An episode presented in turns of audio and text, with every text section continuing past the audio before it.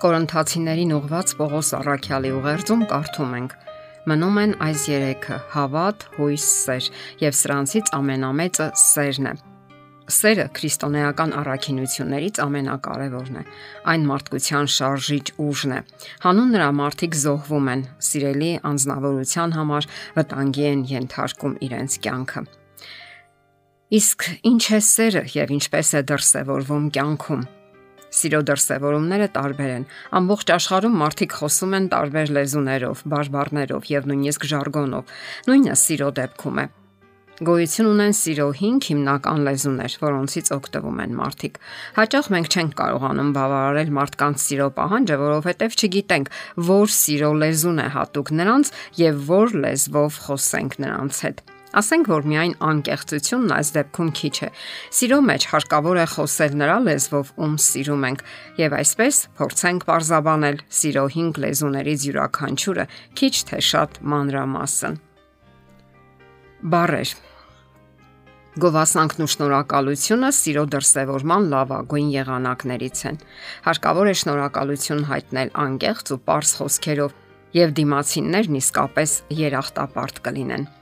Դուք կարող եք ասել ձեր կնոջը. Ինչ հրաշալի խոհարար ես, ինչ համեղ ճաշեր ես պատրաստում, ինչ արագ հավաքեցիր սեղանը։ Շնորհակալ եմ քո օգնության համար։ Դու շատ ուրախadir ես իմ հանդեպ։ Որքան ես ազում այս շորը քեզ եւ այլն։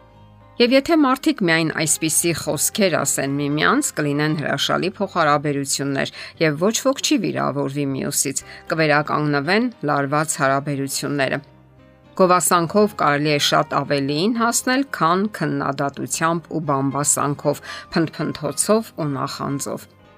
Այս լեզվի տարատեսակներից մեկը քաջալերանքի խոսքերն են։ Սատարման խոսքերի հաղորդագրությունը մոտավորապես սա պետք է լինի։ Ես հասկանում եմ քեզ, ինձ համար դա կարևոր է։ Ես քո կողքին եմ։ Ինչպես կարող եմ օգնել քեզ։ Սրանով մենք մարդուն կարծես հաղորդագրություն ենք ուղարկում, որ հավատում ենք նրան, նրա հնարավորություններին եւ արդեն նախապես հիացած ենք այդ անznավորությամբ կամ նրա կատարած գործերով։ Աստվածաշնչում կարդում ենք. մեղմ խոսքը հանգստացնում է։ Մենք գիտենք, որ նույն բանը կարելի է ասել տարբեր ձևերով։ Դուք կարող եք ձեր կնոջն ասել. Ես շատ եմ սիրում քո պատրաստած ելակով թխվածքը։ Կպատրաստես մեկ անգամ էլ, վաղուց չեմ կերել։ Կամ էլ կարող եք ասել այս ձևով. Չեմ հիշում, թե վերջին անգամ երբ եմ կերել ելակով թխվածք։ Երևի մեկ էլ մյուս տարի ուտեմ։ Այո։ Այս դեպքում ոչ մի մերձություն չի լինի ձեր միջև եւ արդյունքում դուք կնեղանաք միմյանցից։ Սիրո հաջորդ լեզուն ժամանակն է։ Միասին ժամանակ անցկացնելը սիրո դրսևորման լավագույն եղանակն է։ Սա նշանակում է ուրشادիր լինել դիմացինի հանդեպ։ Եթե ամուսինը նստում է կնոջ կողքին եւ թերթ է կարդում կամ ֆուտբոլ նայում, դա չի նշանակում, թե նա ժամանակ է անցկացնում նրա հետ։ Հարկավոր է գտնել այնպիսի զբաղմունք, որը երկուստեք հետաքրքրում է ձեզ։ Կարևորն այն է, որ դուք միասին եք եւ զգում եք յուրաքանչյուրդ դիմացինի ուշադրությունը։ Սովորեք ամեն օր զրուցել ձեզ համար սիրելի մարդկանց հետ։ Թող ձեզանից յուրաքանչյուրը պատմի մոտավորապես 3 հետաքրքիր իրադարձություն, որը տեղի է ունեցել այդ օրը իր հետ։ Ապա կիսվեք ձեր մտքերով ու զգացմունքներով։ Ժամանակ հատկացրեք համատեղ զբաղմունքներին։ Երբ դուք միասին ինչ-որ բանով եք զբաղվում, ունենում եք համատեղ հիշողություններ։ Իսկ դա ուրախություն կպատճառի երկուսիդ էլ։ Դուք զգում եք, որ ինչ որ մեկը կիսում է ձեր ուրախություններն ու հույզերը։ Նրա համար հաճելի է ձեզ այդ ժամանակ անցկасնելը, եւ վերջապես ինչ որ մեկի համար դա սիրո ձայնն է։ Սիրո հաջորդ լեզուն նվերներն են։ Երբ վերցնում եք նվերը, զգում եք, որ ինչ որ մեկը մտածել է ձեր մասին, եւ դա այնքան հաճելի է։ Նվերը զգացմունքի խորհրդանիշն է, կարծես։ Նվերները կարող են լինել տարբեր ձևի, չափի, գույնի, տարբեր արժողության, դա չէ կարևորը։ Շատ մարդիկ հենց այդպես էլ արտահայտում են իրենց սերը։ Եթե զգում եք, որ ձեր դիմացինը կամ դիմացինները սիրում են նվերներ ստանալ, պետք չէ ժլատություն անել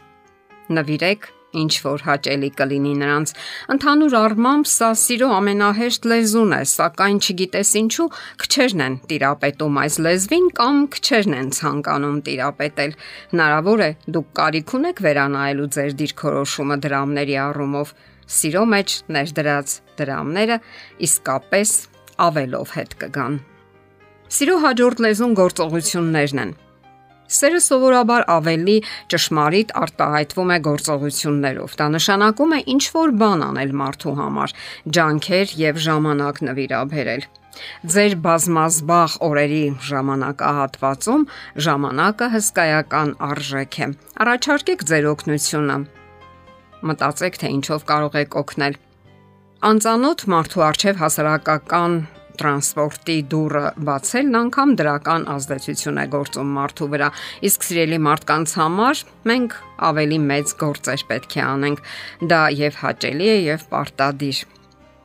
Ուրեմն հարկավոր է սերը դրսևորել նաև գործողությունների միջոցով։ Սիրո հաջորդ լեզուն հպումներն են։ Գաղտնիք չէ, որ հպումները շատ բան կարող են ասել եւ անել։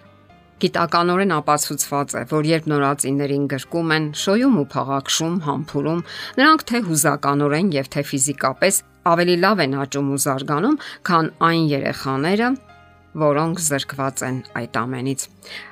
Հպումները սերն արտահայտելու հզոր միջոց է։ Որոշ մարդիկ միայն այդ ձևով են հասկանում, որ իրենց սիրում են։ Նրանք ցանկանում են, որ իրենց սիրելի անznավորությունն արտահայտի սերը ոչ միայն խոսքերով, այլև հպումներով, շփումներով, բռնի իր ձեռքը, գրկի եւ այլն։ Որոշեք թե որն է ձեր սիրո լեզուն։ Ինչ եք սպասում ձեր սիրելի մարդկանցից։ Այնինչ սպասում եք նրանցից, դա էլ կլինի սիրո ձեր լեզուն։ Միևնույն ժամանակ հասկացեք, թե որն է ձեր դիմացինի սիրո լեզուն, որpիսի ինքներդ էլ կարողանաք բավարարել այն։ Եղեք սիրող անznավորություն եւ դա հաստատեք կոնկրետ գործողություններով Մեր օրերում այնքան շատ կա ուշադրության ու սիրո կարիք։ Եթերում ղողանջ հավերժության հաղորդաշարն է։ Հարցերի եւ առաջարկությունների համար զանգահարել 033 87 87 87 հեռախոսահամարով։